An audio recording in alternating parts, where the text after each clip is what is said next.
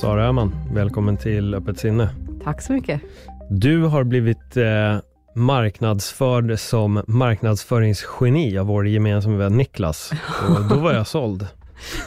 Niklas är en väldigt eh, snäll person. Eh, undrar hur, man, hur, man, hur lever man upp till marknadsföringsgeni? Det är alltid en sån där eh, press man får på sig, särskilt när man är väldigt bra på att skapa uppenbarligen det, det ryktet, så sätter förväntningarna. Det förstår jag, men då undrar man om han är marknadsföringsgenit kanske också, för att med två ord så var du liksom redan helt eh, inne i podden. Absolut, jag brukar tänka just kring då Niklas, han är den kreativa av oss, han är extremt bra på, alltså han är också ett marknadsföringsgeni och jag mm. brukar vara den som står lite för strukturen bakom det här och ja, tar väldigt mycket inspiration från Niklas eh, ja, han är väldigt bra på att säga idéer och trender och så här, det här kommer, okej, okay, men då kanske vi kan göra det här av det rent konkret, för, mm. ja, om det är för företag eller influencers. Så. För jag var inne och kollade lite på din, eh, på din sida och det var någonting som jag verkligen reagerar på, så är det ett otroligt planerande och en otrolig struktur mm. eh, runt allting du gör. Det verkar som att allt, allting verkar ligga under en, en specifik plan. Har du alltid varit en planerare? Jag tror att det funkar på, man fungerar ju på lite olika sätt och jag tycker ju om att se, alltså försöka utläsa processer och strukturer i saker. Eh, ofta så tycker jag att jag inte är lika kreativ, men på ett något sätt så tycker jag att min kreativitet ligger just i att strukturera upp saker. Så absolut, allting från när det kommer till ja, uppdragen hos mina kunder och mitt liv i, i stort, tror jag skulle säga att jag är hyfsat planerad och så. När la du upp din första plan? Eh, oj,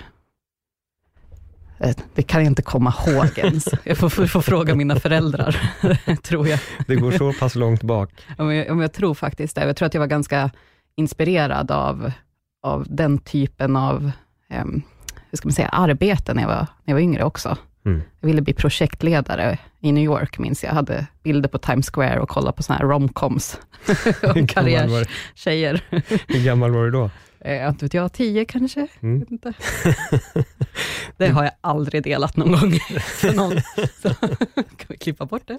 Men nu kom det fram. Nu, nu kom, kom det fram. fram. Det är roligt, vissa drömmer om att bli skådespelare som jag gjorde. Du drömde istället om att få bli en eh, planerare, organisera och, Uppenbarligen, ja. och leva det romantiska livet i New York. Ja.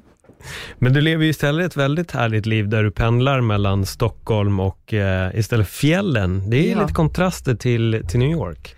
Verkligen. Och jag tror att jag har alltid gillat stadsliv och jag tycker om, alltså, älskar att vara i Stockholm och springa runt och leva det maximala Stockholmslivet som man, som man kan tänka sig att det är. Eh, men jag älskar mer än någonting annat än att vara i fjällen också och vara mm. helt, när det är helt tyst och stiltje och det bara är jag och mitt huvud som, som är där. Det är ro. Det är ro. Mm. Ja. Men och du är uppväxt där. Var, var är du uppväxt någonstans? Jag är uppväxt i en eh, stad faktiskt i mitten av Sverige som heter Bollnäs. Eh, men vi har alltid haft stuga i Tänndalen. Eh, så där har jag spenderat mycket tid också. Och det ligger ju mer i riktiga fjällen. Mm. När kom du till, vad var det som fick dig att besluta att åka till Stockholm, eller flytta till Stockholm? Jag, vi bodde i Stockholm när jag var liten, så jag har alltid känt mig som en blandning av storstadstjejen och, som i, i småstan, och sen så har jag blivit småstadstjejen i storstan, så jag har väl alltid varit någonting sånt där i mitten, men jag har alltid velat att bo i Stockholm, sen vi flyttade från, från Stockholm. Det kan min, också mina föräldrar intyga. Mm. För jag, när Niklas mejlade mig angående att ha med dig som gäst, då var jag också inne och kollade dina sociala medier. Jag, jag tittade en hel del på, på Instagram. Mm. Och det hände ju väldigt mycket just skoteriväg då. Det var en, eh, kändes som att ni hade ett eh, vinterskoter-safari här för typ en två veckor sedan. Ja, precis. Jag har spenderat nu, jag kom precis hem från en månad uppe i fjällen. Passa på när det är mindre eh, jobb. Och eh, då bland annat har jag ny, nyligen fascinerats mig av, av skoteråkning. Det är helt fantastiskt. Jag tyckte från början så tyckte jag att de var eh, som förde oväsen på, på fjället och sen så kom jag fram till att men med skoter kan man ju ta sig precis överallt. Mm. Helt magiskt. Eh, så då var vi ute och körde skoter, jag och ett gäng grabbar som var uppe på skidresa. Mm. Men det var bara ett, ett kompisgäng? Ni valde bara att sticka dit och spendera en månad? Och... Nej, för eh, jag är... eh, nej, det var en, vi är en förening som heter Young Entrepreneurs of Sweden, så att mm. vi, det var vi som hade en skidresa där och ett gäng ville med och eh, och köra skoter mm. av dem. Så att vi gjorde allt möjligt. Vi isklättrade, vi åt väldigt mycket god mat, vi badade i jacuzzi, åkte skidor, åkte snowboard. Vad gjorde vi mer? Ja, typ allt man kan göra i, i snön snowboard, snowracer race nerför en, en kilometer lång backe också. Enligt många det mest eh, roliga av allting under den här resan. Det var ingen som skadade sig då? Inga skador, nej. nej. Skönt. Skönt. Trots att liksom, som man tänker sig när man åker med ett gäng unga entreprenörer, då kan det liksom gå åt alla håll, men vi, vi kom hem hela allihopa. det såg livat ut i alla fall, det rullade upp. Ja, det var det var någonting jag reagerade på. Men känner du att du har fått vila ut dig efter en sån här eh, nästan lite halvt intensiv, i alla fall fysiskt intensiv månad i, uppe i fjällen. Alltså det är ju, man tänker att man ska vila, men det blir ju riktigt, aldrig riktigt så. Eh, jag har kommit på, jag har haft någon sån här, eh, vad ska man säga, någon, de senaste åren, att jag vill lära mig nya saker. Så bland annat har jag lärt mig att eh, cykla downhill, Eh, och också nu så var det då snowboard som det gick in och också köra då skoter. Så att jag har varit någon så manisk eh, läroperiod, jag bara har ramlat i backen i en månad känns det som. Men du verkar vilja lära dig extrem, extremsporter? Ja, Eller? ja, det är något, eh, det ska jag säga, nytt för de senaste två, ja. två åren. Så att, eh, jag tänker att det bara kan, kan bli mer. För jag har en liknande grej. Jag har, eh, för mig har det varit att jag vill lära mig en ny sak varje år. Mm. Det är någonting som jag lägger liksom, lite halvstor vikt i att försöka ta in en, en ny kunskap per år. Och det kan egentligen vara vad som helst. Mm. När jag startade podden var det så här, men det här året ska jag lägga fokus på att bli bättre intervjuare. Mm. Eh, I år håller jag på att lära mig spelet Go, ett brädspel som är ett asiatiskt spel som är 4000 år gammalt, där man lägger vita och svarta stenar på ett bräde med linjer. Just det. Du har nog sett det. Jag har, mm. har till och med haft ett sånt, ja, men jag, min tålamod var inte tillräckligt för det här, så att jag gav upp efter fem omgångar. Eller Nej, det är ju superkomplext. Det är ju, reglerna är jättesimpla, omringa din motståndare. Det är superenkelt, ja. men sen är det ju så abstrakt. Det är, ingenting har hänt, sen har allt hänt. Nej. När man har börjat lägga de här stenarna. Och, Komplexitet. Och det är så fint när det finns saker utan slut. Ja. Som säger det, ett så antikt, riktigt antikt spel mm. som man har hållit på, som schack, fast Nej men exakt, exakt. Jag har varit på Niklas lite för att se om han börjar spela. Han hade kollat upp det, men jag vet inte om han har fortsatt med det, så jag ska kolla Nej, med honom. Det krävs väl också att man har någon att spela med? Ja, det går online. Det är inte samma känsla, men, men det går. Men jag var iväg på Stockholmsföreningen för Go här i torsdags. och det är ju också så härligt när man eh, en, en, sak som kommer med att utforska intressen ja. och lära sig nya saker, att man hittar nya eh, nya umgängeskretsar och nya nördigheter. Ehm, jag har varit med och så här, dragit igång ett eh, coworking space och det är så mycket nördar där och i helgen så hade de eh, mechanical keyboard meetup där. Och du vet, så folk som är passionerade över att bygga alltså, mekaniska tangentbord. Okay. Och liksom bara, jag tror inte, det, för det första så är det väldigt kostsamt det här tycker jag, men fortfarande att sätta sig in i vad de gör, de sitter ju och programmerar dem så att de ska lysa på olika sätt och folk är så här all in i det här. Och det är samma sak med Go, det är samma mm. sak med snowboardåkning eller sko skoteråkning eller downhill. Det finns så mycket när folk kommer säg, förenas kring ett intresse. Nej men verkligen. Men vad sa du att stället hette, som ni gjorde det här på? Eh, Underverket heter det, Underverket ja. Coworking. Va, vad är det ni gör där? Eh, det är egentligen, egentligen bara ett kontorshotell, men de som kommer dit blir på något sätt fast, så att mm. oavsett ifall man hyr in sig eller inte, har man någon gång ja, liksom kommit förbi på en kaffe så kommer man gärna tillbaka. Och just det, så att vi har bland annat de här mekaniska keyboard-eventen, det är också ett gäng som spelar in en podd om sketch, vet det, teck, teckna, tecknare. Okay. Eh, så att då har vi, brukar ha vi sådana sketchbook-events, alltså man är förvånad över hur mycket folk det kommer. Jag tror det var 200 pers som hade liksom signat upp sig senast bara på att komma till ett coworking space och oh, teckna. Så sitter alla och tecknar liksom en kväll och dricker öl. Så har de lite giveaways och sådär. Hur stort är det här stället? Ja, det är inte stort. jag sätta, nu håller jag på att fundera på hur man ska göra med de här eventen, ifall man ska så här, signa upp sig på en, på en lista. Eller så här, och sist så på det här eh, sketchbook-eventet så hade de fått ehm, eh, de hade fått sätta upp en lista då till sist för att det blev så stort intresse. Och sen så hade ju folk försökt sälja sina biljetter så här i efterhand, fast det var gratis. Så, ja, men det är ju så, så när folk alltså, förenas kring en passion. Så det blev svart biljetthandel? Det blev svart biljetthandel på Sketchbook Heroes event. så, ja. Hur Men, halkade du in på den? Underverket? Eh, det var två, två kompisar till mig som drog igång det i somras. Mm. Så så jag halka in där. Jag har, inte, jag har ju varit frilans i sju års tid, men liksom aldrig riktigt haft en kontorsplats. Varit ute och rest väldigt mycket. Mm. Eh, och så tänkte jag, gick jag förbi och hälsade på. Och jag bara, jag kan kolla in, kan provsitta här en månad, för jag behöver ändå liksom hålla mig hemma. Jag brukar, på sommaren brukar jag också bo borta i, i fjällen i två månader. Men så här, äh, men nu ska jag testa på att vara i Stockholm en månad. Eh, och sen så blev jag fast. det känns svårt att lämna. Jag tänkte innan du blev eh, frilans, vad, vad gjorde du då? Då jobbade jag på, jag jobbade, kom in och började jobba med sociala medier, när sociala medier var ganska nytt och det inte mm. riktigt fanns någon som jobbade, jobbade med det. Så jag jobbade på reklambyråer eller hos startup. Eh, kom fram till ganska fort att det mest säkra anställningsformen i den här nya, nya världen är nog att vara egen, för att det är sån extrem det, kompetensbrist. Men det finns liksom ingen som heller riktigt vågar anställa folk inom det. Nej. Hur var känslan att eh, bryta sig loss och sen köra frilans? Ja, precis. Sen så tror jag att jag alltid har velat vara frilans, eller vara min egen. Jag, jag jobbar inte bäst under chefer, tror jag. Jag jobbar bra med beställare, men inte av att eh, hitta på saker att göra med min tid på en arbetsplats. Men vi är nog lite lika där. Jag tror att alla vi som dras till frilans, vi har nog lite den att vi man vill nog vara sin egen chef på ett sätt. Man vill rå om sin, eh, sin egen tid och kunna styra och ställa tror jag. Ja, och framförallt leva ut, men så, leva ut sin nyfikenhet mm. lite grann. Att jag tror att det borde vara på det här sättet, då vill jag testa det. Eh, istället för att få kanske då fundera på hur det här eh, fungerar i övriga, eh, vet det, i övriga organisationen, eller vad den här byrån har sålt in för typ av strategiprojekt och försöker standardisera sina processer och så. Det är såklart att man bygger upp hyfsad, hyfsade processer för sig själv när man är egen också, men man kan ju alltid ändra på dem. Mm. Vad var den största utmaningen med att vara, vara egen i början?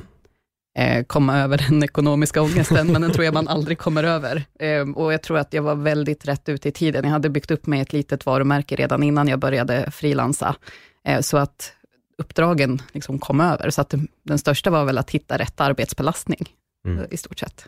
Det skulle jag säga att det fortfarande är, men man lär sig ju lite mer med tiden i alla fall. För det är en klassiker, att när du väl är egen, då är du också egen, då är det väldigt kul att jobba. Ja, ja. Och då blir det att man säger ja till slut. allt. Nej. Hur, hur, har du hittat den perfekta balansen? Och jag tror att jag har gått på några nitlotter. Eh, och jag skulle inte säga att jag har hittat den perfekta balansen, men jag har hittat, min, min balans är att jag, eh, om en februari till april, maj, eh, jobbar mer än 100 procent, alltså 180 procent. Eh, sen så januari, juni, juli, halvtid, eh, ledig, nej, i stort sett, har några uppdrag över sommaren. Sen så kommer det igång igen den här delen, tre månader, ja, dygnet runt och sen så lugnar det ner sig igen. Och jag tror att det, jag gillar att jobba så i klumpar. Mm. Ibland så tänker jag och lyssna på folk som säger att man ska så här, hitta sin rutin och boka upp kunder och, ja, och så vidare, men det fun funkar inte för mig att köra all in. Det är kul. Hur många år hade du varit frilans? Sju. Sju. Sju. Mm. Det har funkat i alla fall hittills kanske? Alltså det, det, jag, har, ja, jag har väl varit nära väggen och fått liksom ta, säga upp kunder några okay. gånger, eller ja, en gång åtminstone. Mm. Men vad, vad, var det då? Alltså var det du själv som kände att det är för mycket, eller var det att du bara satt och bokstavligen överarbetade dig?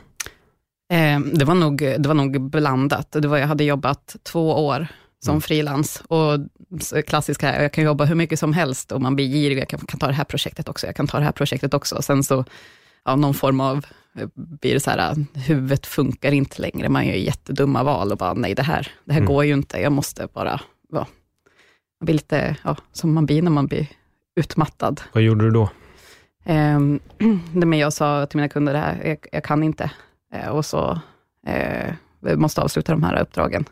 Eh, eh, jag tänkte mer, vad, vad, gjorde du när du väl hade gjort det? Förlåt. Vad gjorde då? vad, vad, vad, gjorde du för att så här, landa? vad jag gjorde för att landa? Ja. Så jag jobbade, hittade, tog uppdrag så jag hade en liksom, stabil inkomst i alla fall. Mm. Eh, men sen så slutade det faktiskt med att jag tog en anställning också och tänkte att det kanske var, var bra. Och så jobbade jag på det här stället i ja, fem, sex månader och sen jag, nej, nu måste jag nog återgå till att vara frilans mm. igen, för att jag kände mig så, det är det rätta ändå.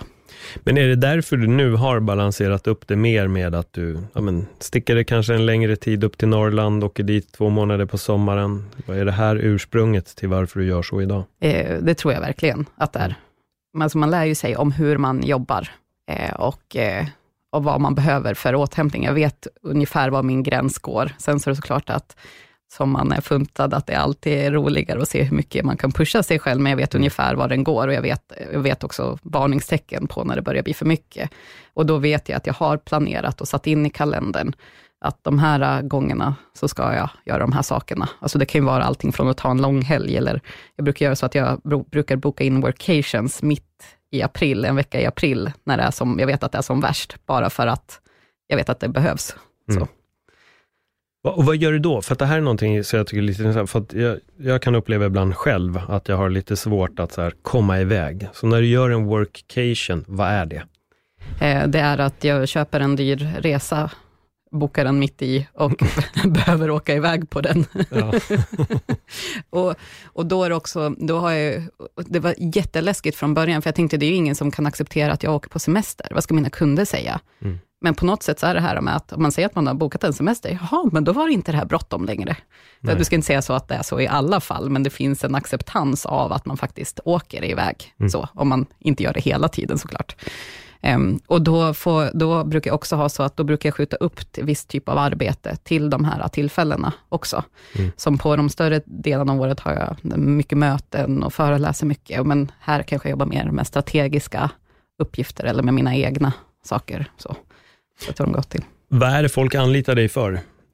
När, när du är nu marknadsföringsgeniet, Sara Öhman, vad, vilka problem är det de kommer till dig med? De kommer faktiskt med, så här, hur, hur, hur ska jag göra min marknadsföring? Det kan vara allting från alltså specifika saker kring hur de ska jobba i olika kanaler, eller vad de ska ta fram för typ av innehåll till sina kanaler. Men det kan också vara allting från, så här, hur ska vi organisera oss? Hur ska vi budgetera? Hur ska vi göra det? Så att de flesta, antingen är mina uppdrag så här, skriva strategier, eller så är det att någon form av löpande coaching, alltså att ett mark marknadsteam och jag bollar, så de sätter upp alla sina utmaningar på en lista, och sen så, går, så hjälper jag dem att strukturera dem, och så här, vi tar tag i de här sakerna, mm. så här, prioritera helt enkelt. Vad är det för misstag folk gör inom marknadsföring?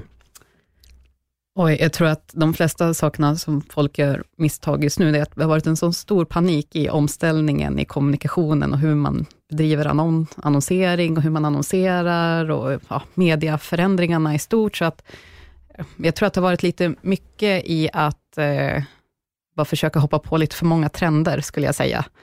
Eh, och eh, glömma bort sitt egna varumärke och vad är grunden i, i, i det vi gör egentligen.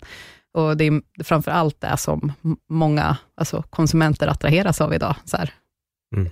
I, inte så mycket krusiduller runt omkring eller försöka sälja in koncept som egentligen inte handlar om eh, av själva produkten, utan man försöker hitta på saker runt omkring. Eh, så det är väl det största misstaget, skulle jag säga. Jag tänker lite, du har gått över väldigt mycket till just sociala medier, så jag antar att det är också där väldigt många av de här företagen säkert söker dig för. För hur, hur har det förändrats de senaste åren, ifrån ditt sätt att, att se på det? Hur sociala medier har förändrats? Ja, sociala medier och marknadsföring. Jag tänker lite via influencers och hela den ja, biten. Jag tror att när, när sociala medier var nytt så var, så var, och företagen skulle dit, så var det lite så här, ja men vi, vi ser vad det, vad det blir av. Och jag tror på något sätt det var en väldigt bra grej. Och folk var väldigt engagerade. Och sen när man upptäckte att det inte var så länge, så började man fundera på, men nu måste vi ut med våra kampanjer i sociala medier, så då kom man ut med mer standardiserade uppdrag, Eh, liksom, eh, koncept. Um, och sen så kom man på att ja, men, det var ingen som ville följa oss i sociala medier, så nu ska vi jobba med influencers istället. Hur ska vi göra det?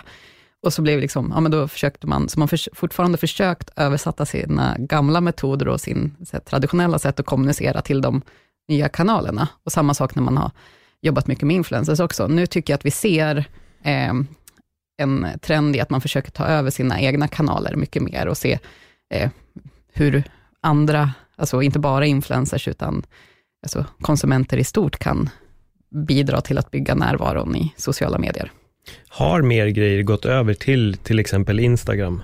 det är min känsla att det har gjort det, men du, du har nog bättre koll än mig där. Eh, och mer grejer menar du att företagen ja, annonserar exakt, ja. mer där? Och det skulle jag verkligen säga, för att de har ju gått, hört trenden om att Facebook inte levererar längre. men sen så tycker jag att varje gång man man gör någonting på Facebook så, så får det ju genomslag ändå. Ja. Och det man ska komma ihåg med kanalen är att det handlar inte så mycket om, eller det är såklart att det handlar om vilka som är i vilka kanaler, men det handlar ju ganska mycket också om vilket typ av innehåll och hur man konsumerar där, som till exempel att lägga ut bilder på Facebook nu kanske inte är lika framgångsrikt, men om du börjar producera eh, videos för Facebook Watch, eller göra live, ja men då kanske du har mycket mer att vinna på Facebook, för att det är den typen av eh, innehåll vi konsumerar nu. Men det är ju lätt, det ställer ju högre krav. En Facebook-närvaro idag ställer, ställer högre krav mm. än vad en Instagram-närvaro gör. Där kan du ju lägga ut snygga bilder och vara aktiv på stories och bygga det väldigt enkelt. Eh, så, så att det är såklart att företagen flyttar över mer dit också. Sen är det väl att Facebook premierar väl just det som är rörlig bild också, var det inte det? Ja, pre precis. Särskilt ja. nu. Och det, det man kan ju se att Facebook premierar ju framförallt de produkterna de försöker bygga och de försöker ju framförallt nu satsa på Facebook Watch som en konkurrent till YouTube, så, såklart. Mm. Jag tänkte just när eh, den eh, vardagspersonen utnyttjar sina sociala medier för att bygga sitt eget brand och sitt eget varumärke. Um, vad gör folk för fel där? Um, jag tror att man, den största saken, att man försöker, man vågar inte vara personlig. Uh, Mm, det, får, det, finns så många som gör så mycket snygga saker. Vi kan, vilket community som helst, men de som eh, blir stora är ju de som delar med sig någonting personligen. Nu menar jag inte att man behöver hänga ut hela sitt, sitt liv i sociala medier, men ändå dela med sig av ja, någonting personligt ändå. Mm. För jag har nog märkt det på, mig, på mina medier, den, när jag väl har lagt ut, skrivit en text till exempel, då brukar jag alltid få mycket bättre respons än om det är någon rolig grej eller det är så? Man bara, ja, när, när det är något som är lite mer personligt, att jag kanske tar upp någonting. Ja. Eller om jag gör lite um, filosofisk sarkasm av hur sociala medier funkar, ja, då brukar jag väldigt mycket Men det är ju det där att oavsett vilket ämne man pratar om, så tror jag att det är bra att ha kontraster. Och mm. det som du lyckas ju när du får folk nyfikna på vad du ska göra härnäst, och slänger in lite saker som kanske är lite out of topic ibland. Mm. Det gör ju att folk bara, aha, det här var ju någonting mot för de andra kontona i, i den här kategorin som jag följer, det här vill jag, vill jag veta mer om, eller ja, folk som vågar säga saker som andra inte riktigt säger kanske. Mm. Du, du hade skrivit någonting om Facebook stories. Jag skulle precis börja läsa den när jag var inne på din sida och jag vet att du utnyttjar Facebook stories väldigt duktigt. Instagram stories. Instagram, förlåt. Ja, precis. Ja, Instagram ja. stories. Exakt. Jag tror att det är där vi det är där man är aktiv idag. Så Instagram stories har ju gått långt över det redaktionella flödet, som jag kallar det för, alltså det vanliga flödet. Mm. Så folk, man ser ju högre visningsgrad i stories än vad man ser på vanliga bilder. Um, och där gäller det också att vara väldigt aktiv. Och det man ska komma ihåg när man, när man ska gå ut i sociala medier, det är ju eh, såklart, vad vill mina följare se, men också vad gör alla andra? För att det är ju alla andra du, du konkurrerar med i sociala medier, för att du ska visas i algoritmen. Och lägger en standard influencer eller person ut tio bilder på stories om dagen, ja då måste ju du också göra det för att, för att det ska visa sig. Men det är inte alltid det behöver vara så himla eh, knussligt och att det ska vara så här välproducerat och ja, nu ska jag göra en story nu och en story nu och, och så vidare, utan det handlar ju om att hitta någon slags flöde. Men folk jobbar ju lite systematiskt med det där, för jag har pratat med en, en kompis med som är mega-influencer och han eh, lägger upp efter tider. Mm. Han lägger inte heller upp, jag tror att vissa är fel att de lägger upp tio stories på en gång, men då yeah. har de ju försvunnit. Som du säger, han kanske lägger upp en story i timmen. Yeah. Och då är han hela tiden Exakt. först. För det, så här, eh, algoritmen bygger ju på interaktioner mm. och hur ofta du får någon att, att interagera med dig. Och säg då att en person går in på din story fem gånger om dagen. Ja, det visar ju jätte, jättehögt intresse, mer än att den klickar sig in på en och sen så bara klickar sig igenom allihopa. Mm. Eh, så, så såklart ger det en konkurrensfördel. Så. När använder man Instagram stories för mycket? Eh, jag har ju, eh, med mina egna kanaler så älskar jag att testa, testa folk och mina följare. vad, vad, vad står de ut med eh, på riktigt? Så jag tror att mina mina sociala medier är inte någon framgångs eller så här, förebildsexempel, för att det, det är liksom labbande eh, och mest för min egen skull. Men jag har ju kommit fram till att någonstans runt 30 stories, där, där går gränsen. Då mm. blir den här lilla, de här små prickarna för små och folk bara, nej, inte det här. Det blir för mycket. Men jag tror att runt 15-20 om dagen, det är nästan det som har funkat allra bäst. Mm. Eh, och då, är det, då pratar vi många stories.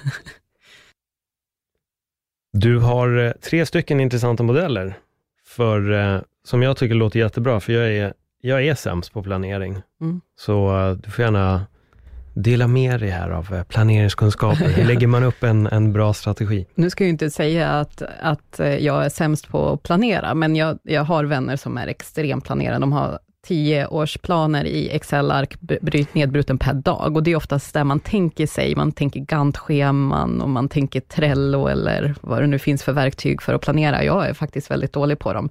Men på något sätt så gillar jag ju någon form av struktur och då försöker jag hitta sätt att, okej, okay, men hur, hur ska jag se på det här så att jag vet att jag förhåller mig till rätt sätt, ändå ha, ha koll. Så bland annat är en sak jag brukar göra, att tänka på, okej, okay, men jag har kanske lite olika arbetsområden som jag vill göra eh, jobba med. Det kan vara från att jag utbildar väldigt mycket. Eh, hur stor del av min tid och min inkomst vill jag att jag ska, eh, att ska, ska utgöra det. Mitt konsultande, vad ska det vara? Mitt typ entreprenörskap eller ideella engagemang, hur mycket ska, ska det vara? Så att då brukar jag försöka rita upp så här procentsatser, vad jag skulle vilja att det skulle vara, och, så, och hur det och sen hur, hur, hur ser det ut just nu? Så vad behöver jag göra för att ta mig dit? Och då blir det, börjar, det börjar, börjar kanske som luddiga saker, men som sen blir ganska konkreta. Och ofta så att det som gör att vi inte tar tag i saker, är ju de här svarta hålen. När man inte ser, ja men jag borde göra så här, men man vet inte riktigt vad det innebär. Men börjar man sätta sig och rita, så, så ser man ganska fort att, ja men jag behöver, ja, till exempel sälja mer om min podd, eller ja, sälja mer eh, hitta sätt att tjäna pengar på de här sakerna till exempel. Eh, dels det, men sen så också brukar jag tycka att det är jätteviktigt att fundera på att det finns så många olika vägar man kan gå i livet, så vad passar mig bäst? Eh, jag tror att jag, jag är väldigt nyfiken och jag är på något sätt eh, slags driven och nyfiken.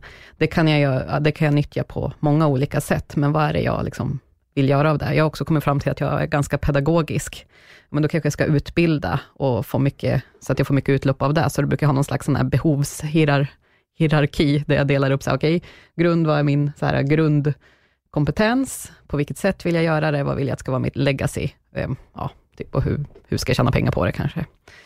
Eh, och sen så också måste man hitta någon form av mättal. Så här, vad är viktigt för mig? Hur sätter jag mina mål? Eh, och, faktiskt, och det kanske inte behöver ha att göra med att jag ska omsätta så här mycket, utan det har kanske mycket mer med att göra med okej, okay, ifall jag inte ska ha ekonomisk ångest, hur mycket pengar behöver jag ha som buffert? Se till att försöka hålla mig innanför buffert. Eh, och då blir det ett bra mättal, någonting konkret att jobba för. Eller vad är viktigast för mig i tillvaron? Är det kanske att träffa vänner? Kan det vara att ha tid att träffa vänner? Ja, men då ska jag träffa så här många kompisar i veckan. Det låter jättestrukturerat. Eh, men jag skulle säga att min främsta KPI är ungefär att checka in med mig själv, är jag glad? För annars vore det här totalt meningslöst också. Eh, och då kan man också följa upp, gör jag rätt saker? Så jag tror att det mer handlar om en så här strukturerade Excel-ark, att så sätta former och ja, för, för vad det är man gör och se till att man håller sig på den banan. För att när livet går fort, eh, så vill man ha eh, sätt att undvika att det går åt fel håll. Så. Jo, men det, alltså jag tycker det här är suveränt, för du säger att du kanske inte är världens bästa planerare, du har folk som sitter med Excel-ark. Jag sitter med inget ark alls. Så så du, är en, du, du har ju en, en, bra struktur. Jag gillar verkligen tanken och planen. Men, men då måste jag fråga, för att jag kan, jag personligen kan ha en sån här, jag vill hit. Mm. Och då vet jag det. Men jag kan ibland ha svårt att sätta mig och pinpointa, typ, okej, okay, jag måste göra det här och det här och det här och det här. Hur startar du den processen? Vi, vi lägger det bara väldigt ab abstrakt, här, ja. liksom. men, men, men, hur påbörjar du processen? Du har ett mål. Men då, jag tror att det de flesta människor inte gör, är att sätta sig ner, okej, okay, men vad är det jag vill göra för att komma hit? Jag tror att, så här, för att det, det vet jag för mig själv också, jag har många sådana bitar, mål som jag verkligen skulle vilja göra, men det känns läskigt att sätta sig ner och faktiskt konkret sätta sig och skriva det, men jag brukar ta tid där jag sitter med ett tomt bokad tid, så här, nu, den här tillfället vet jag att jag ska sitta med ett tomt anteckningsblock och rita de här sakerna. Det kan vara då, de här modellerna har jag antagligen läst i böcker eller sett andra göra, men som jag har liksom anpassat min egen version av, så att det finns ju jättemycket sätt där folk förklarar sådana här saker. Mm. Jag kanske ska göra den där cirkeldiagrammet jag hade gjort där och bara säga, hur skulle det här se ut för mig? Mm. Till exempel. Så att jag tror att det är där man måste börja. Hur ofta sätter du dig ner och ritar? Aldrig. Nej. Jag ritar i mitt huvud tror jag. Ja. Alltså det, det, är nog lite så jag funkar. Och anledningen till att jag, jag frågar det här, det är när jag höll på med stand-up till exempel. Eh, så jag visste att eh, jag, jag, ville hyra en teater och jag skulle sätta upp en stand-up-föreställning. Och det gjorde jag när jag hade kommit tre år in i min stand-up. Men jag lyckades och jag hade aldrig en plan på vad jag skulle göra. Jag visste bara, det var en teater, jag har pengarna, jag hyr, jag ser till att det kommer folk och allting gick som det skulle. Men, men när jag var klar så var jag nog lite mer bara den här, ja okej okay, det var det och nu ska jag på nästa sak. Och det gjorde att jag stannade aldrig upp heller och uppskattade det jag hade gjort, vilket jag tror att man gör, men det vet du nog bättre. När allting är uppritat och du har nått målet, då kanske man får en större känsla, eller sitter man bara och bygger nya mål hela tiden. Eh, en sak som jag tror, som jag försöker, eh, inte bearbeta, men tanke jag försöker leva med, att så här, målen, att uppnå mål, finns ju inget värde i sig. Alltså mm. det är ju bara att uppnå någonting är ju en sak du gör. Och sen så ifall det var, det, så, att nu har gjort en sak, men livet stannar ju inte vid ett, vid ett mål. Liksom. Och ofta så blir vi ju inte riktigt så mycket lyckligare av att ha gjort en sak heller, utan oftast är det ju alltså när du bokade teatern och när du planerade, när folk kom in och när du väl gjorde det, som var det roliga, eller hur? Ja. Och det var inte, för det var ju inte när du var klar som var roligt, så det handlar ju om att på något sätt, så här, jag funderar jättemycket på, hur kan jag leva det liv som jag vill leva på lång sikt just nu också? Och sen mm. så såklart se att jag kan göra mycket mer av det. Och jag tror att det är, så där, det är ju en, just när man sitter och ritar upp de här målen, så handlar det kanske mycket då av, eh, vad är det som är målen egentligen? Så, varför då jag kanske sätter så här, men jag vill ha tre ingredienser, vilka ingredienser vill jag ha i livet? Gör jag de här tre sakerna? Eller om jag väljer den här vägen, kommer de innebära de här tre sakerna, till exempel? Så att det är ju inte att så här, genomföra en stand-up, utan kanske, det kanske handlar med, mer om att så här, ja, du håller, utforska din kreativitet med det här som du tycker verkar kul. Är du med på Ja, nej, men exakt. Att den är istället, den, den biten är inte målet. Det är bara en del av resan. Exakt. Lite så. Alltså ja. det, är bara en, det är bara en, det är en cirkel kanske i diagrammet helt enkelt. Precis. Men det jag tror är, och det finns väl någon form av forskning på det också, att bara genom att skriva ner det, mm. så blir det mer verkligt. Eh, eller ibland då kanske lägga ut, alltså som sagt, boka en föreställning och säga till alla, hej nu ska jag göra det här. Nu. Det gjorde jag när jag debuterade. Ja, exakt. jag gjorde det på, på fredag, ska jag ha en eh, business shower, eh, mm. och bara för att jag skulle ta tag i och, och lösa ett AB och lansera en produkt. Och så har jag bokat det här datumet och bjudit in familj och vänner. Eh, och bara, nu måste jag göra det till det här datumet och jag sitter fortfarande så här, oj, jag har jäkligt mycket jobb att göra i veckan för att jag ska ut det här. Men jag vet att jag, det var en sak jag vet att jag behöver göra, men det känns jävligt läskigt, så att jag behövde ja, ha åskådare som jag har lovat att jag ska göra det här sakerna till det här. Sa du att det är nu på fredag? Nu på fredag. Hur mycket har du kvar att göra? Nej, väldigt mycket. jag har kommit med de svåra bitarna jag fixade i alla fall. Ja. Så resten är content. Ni som hör podden, det, den fredagen har redan varit. Ja, vi bara gå och backtracka. Vad hände? Det är bara att gå in på Saras sociala medier och se. Mm. Om det inte har hänt någonting sen den, eh, vad blir det? Tredje. Ja, den tredje dag. Om, om ingenting har uppdaterats sen den eh, sjunde eller åttonde, ja, då, då, då gick det inte Får se. Hon snackar mest skit. ja, men, eh, spännande. Men hur tycker du känns att ha, ha gjort det? För jag gjorde samma sak, precis som jag sa om min standup. När jag väl bestämde mig för att göra en debut, då mm. gick jag ut till alla, här kommer jag debutera, det är min standup-debut. Mm. Och det blev för mig, för folk jag, fan modig är som gör det. Men det handlade inte om mod, det handlade om att jag kunde inte backa då. Exakt. Jag kunde inte sticka. Nej, och jag tänker så här, nu har jag bara bjudit in folk som tycker om mig väldigt mycket och som jag får fejla hur mycket som helst i deras mm. ögon, men det är på något sånt här äh, sätt att, att ställa in det, vilket jag funderat på mycket den senaste tiden. Bara, nej, men, nej, jag behöver inte, nej. Det är så här, men jag, nej, jag har bestämt mig för att det här vet jag, när jag satte den här saken, så vet jag att det här var någonting som jag behöver göra. Och jag tänker inte fejla på det, även fast jag vet att det kommer gå bra att lösa sig på massa sätt ändå. Så vet man, nej, men det här, det här har jag lovat, det här ska jag göra. Så det blir lite svårare att så här, backa. Mm. Nej, men det, jag tycker det är bra. Jag tycker ibland behöver man göra precis det. Mm. För annars så, så backar man. Men som sagt, det kommer ju inte vara ett mål i sig, utan det som kommer efter det är ju mm. målet, eller ja, vägen dit är målet också. Mm. Så, hur, hur, lång plan har du? Du sa att dina vänner har en tioårsplan. Hur lång plan har du? Um, det tror jag också. Jag tror att det också är som man är, är funtad. Jag tror att um, jag vet vad, min plan är väl kanske livslång, eller så länge man får, får leva eh, lång. Um, och, och, Det är någonting som jag strävar efter att få, liksom få den fördelningen i livet redan, redan nu. Sen så, så hur, hur, långt jag tänker i framtiden, ja, det kanske är snarare ett eller, ett eller två år. Eh, så eh, så eh, ingen tioårsplan direkt, Nej. mer än att jag vill göra mer av det jag gör nu om tio år på ett bättre sätt. Vilka förändringar förutspår du inom eh, marknadsföring och sociala medier? Tror du att det kommer fortsätta med Instagram eller kommer det dyka upp nya verktyg som slår ut dem? apropå vad det är folk gör, gör fel eh, i sociala medier, och alltid, och det kommer till att de flesta kommer till mig för de vill, vill undrar, vad ska jag göra i den här kanalen? Mm. Eh, och då, och så här, hur ofta behöver jag publicera, publicera saker? Eh, och jag tänker, det handlar inte om det, det handlar om så här, vad, vad, vilken historia ska jag berätta, så klassiska, vilket, vad är mitt varumärke, vad vill jag, hur ser min affär ut? Eh, för oavsett så ska du ju skapa underhållning för människor, eller underhållning eller nyttogivande innehåll. Ehm, så det är väl kanske den största förändringen, alltså, jag vet inte om det är en förändring, men kanalerna förändras, men det spelar ju ingen roll ifall, eh, allting handlar ju om att anpassa formatet. Mm. Eh, så. Eh, och jag tror att det kommer vara mycket mer autentiskt, men och alltså autentiskt är det ju någonting som man jobbar mycket för att skapa redan nu, men mycket mer nyttogivande. Man vill inte ha så mycket skitsnack, så här. eller ja, eh, så.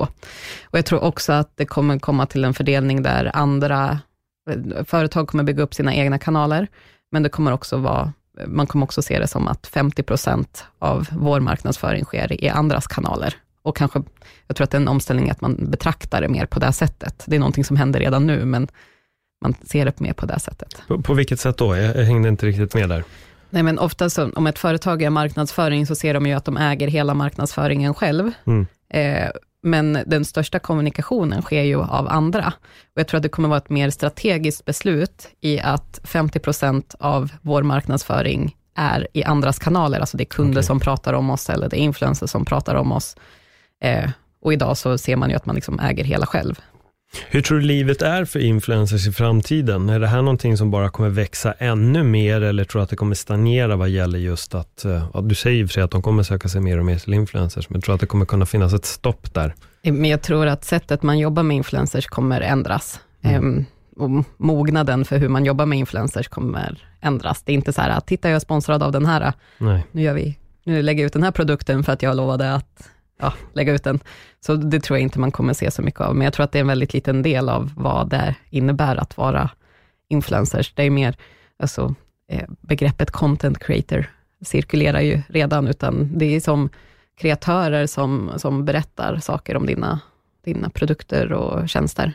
För det känns ju där också som att um jag tänker just på influencers som du säger, folk lägger upp, åh titta den här drickan jag sponsrade, var ambassadör för den, för den här. Men det känns som att där till slut kommer det också bli folk som är otroligt duktiga på det du sa, content creators, och berätta en historia. Mm. Att de som är influencers idag kanske inte har en skulle ha en möjlighet att bli influencers om de blev det om tio år. För de besitter inte den kunskapen och den förmågan. Säkert, och det kan man ju se redan nu, urskiljningen som, som sker på influencers och vilka det är som lyckas få, som lyck, som, sådana som lyckas med sina projekt och vilka folk mm. knyter sig an till och går in och lyssnar på varje dag. Så. Det är inte alltid, det är så klart att stora konton är ju underhållande i sig, men det är ju inte de som du känner en koppling till eller lyssnar på när de rekommenderar produkter på samma sätt. Nej. Det är såklart att de har volymen, eh, som gör att fler människor kanske går in och handlar sen också. Men det är inte de som har det största förtroendet. Det har jag märkt. Ja. Um, för det märker jag också när vissa influencers går och poddar och, och, är med och gästar poddar. Det betyder nödvändigtvis inte att deras följare är intresserade av att höra vad de har att säga. Men de kan vara nyfikna på att se vad de gör, ja. men inte lyssna till deras ord. Precis, och det kan man, alltså jag har sett några, några fall av eh, väldigt, alltså se influencers som har runt 5000 följare, som går och lanserar egna produkter sen. Eh, och det går jättebra, för att de har ju byggt upp sin crowd. Mm. Eh, och kan liksom leva på det, på liksom sina egna produkter på ett helt annat sätt, bara på ja, men 5000 följare och ett bra rykte, där man litar på den här personen.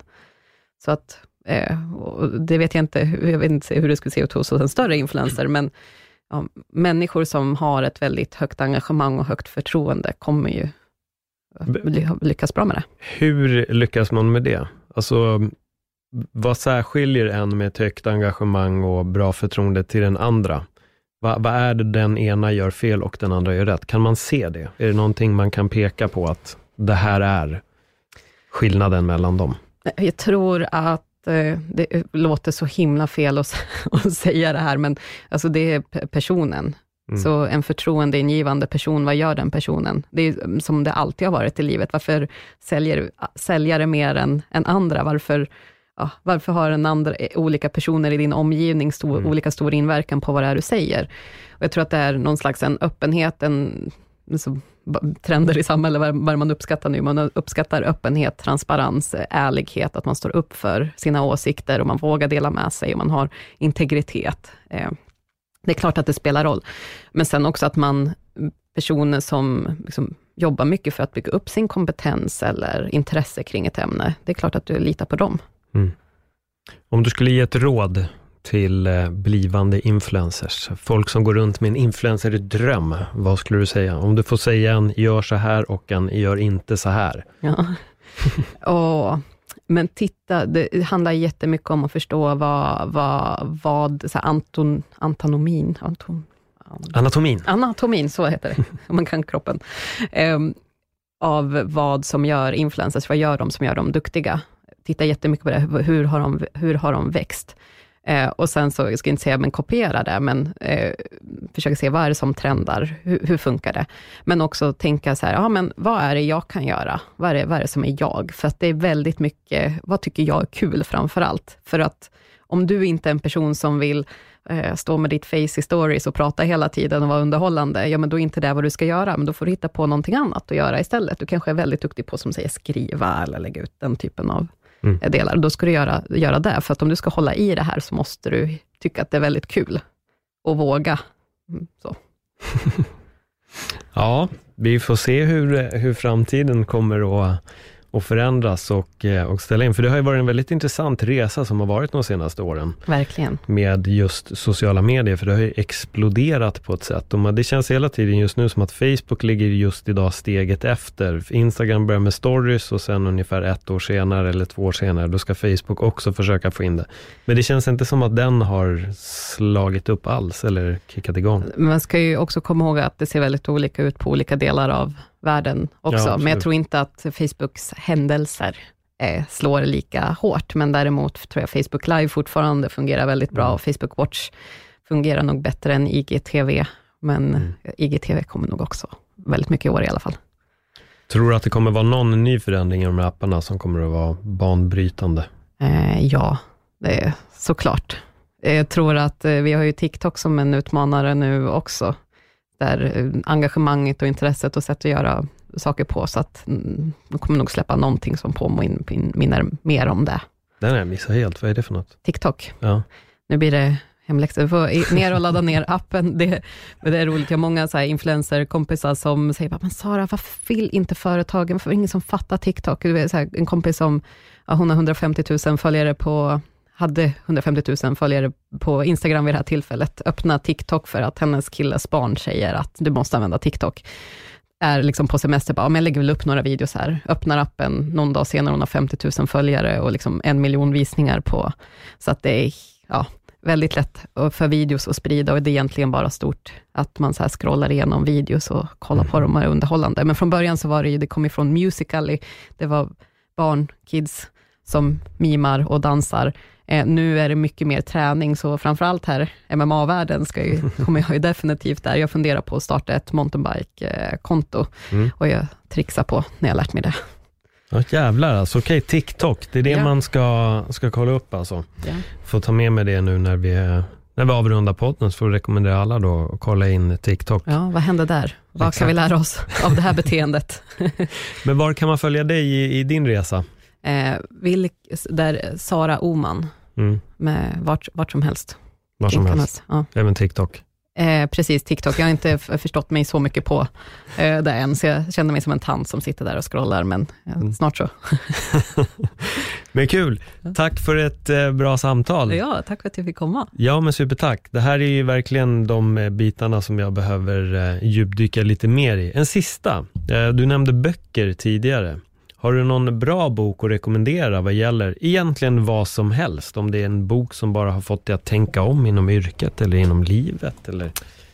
Nej, så jag läser väldigt mycket böcker Mm. överlag. Så jag, nu sitter jag här och funderar på vilken av dem ska, ska jag rekommendera. Just nu så läser jag en bok som heter Serv, om service design. För att se, det är bara en lärobok. Ehm, men jag tror ändå, ehm, jag tror att det här är den mest klassiska boken, men eh, Tim Ferrys Five Hour Work Week, jag tror att det var den som bara, jaha, det är så här man gör. Mm. Att- Har du läst den? Jag har en hemma, Four Hour Work Week. Four, exakt, Four Hour Work Week heter den. Vill, vill du veta var jag fick tag på den? Nej. Det roligaste av alla ställen, i tvättstugan. Nej, den Jo. låg där. Nej, men de, en- vi, vi har en sån här, man kan lämna in sina böcker. Eh, och det är en bok som jag har velat köpa ganska länge. Mm. Så jag brukar gå alltid in i det där rummet och titta. Så bara, Four hour work week? Jag bara okej, ja, ja men då. Och nu ska jag lära ett hack, att den, man behöver inte läsa den hela boken, gå och kolla på ett TED-talk också om det. Mm. Så har man sammanfattningen och så kan man börja. Det brukar vara så med väldigt många böcker. Jag gillar att läsa, så jag, jag kommer nog ändå plöja igenom den. Men jag kommer lyssna på TED-talket också. Mm, Ta en tid. Gör det. Sara Öhman, än en gång, tack så jättemycket. Ja, tack själv. Och till er som har lyssnat, ja nu vet ni vad ni behöver göra ifall ni ska bli framtida influencers och dominera den sociala medievärlden. Tills nästa gång, ha det jättebra. Hej då!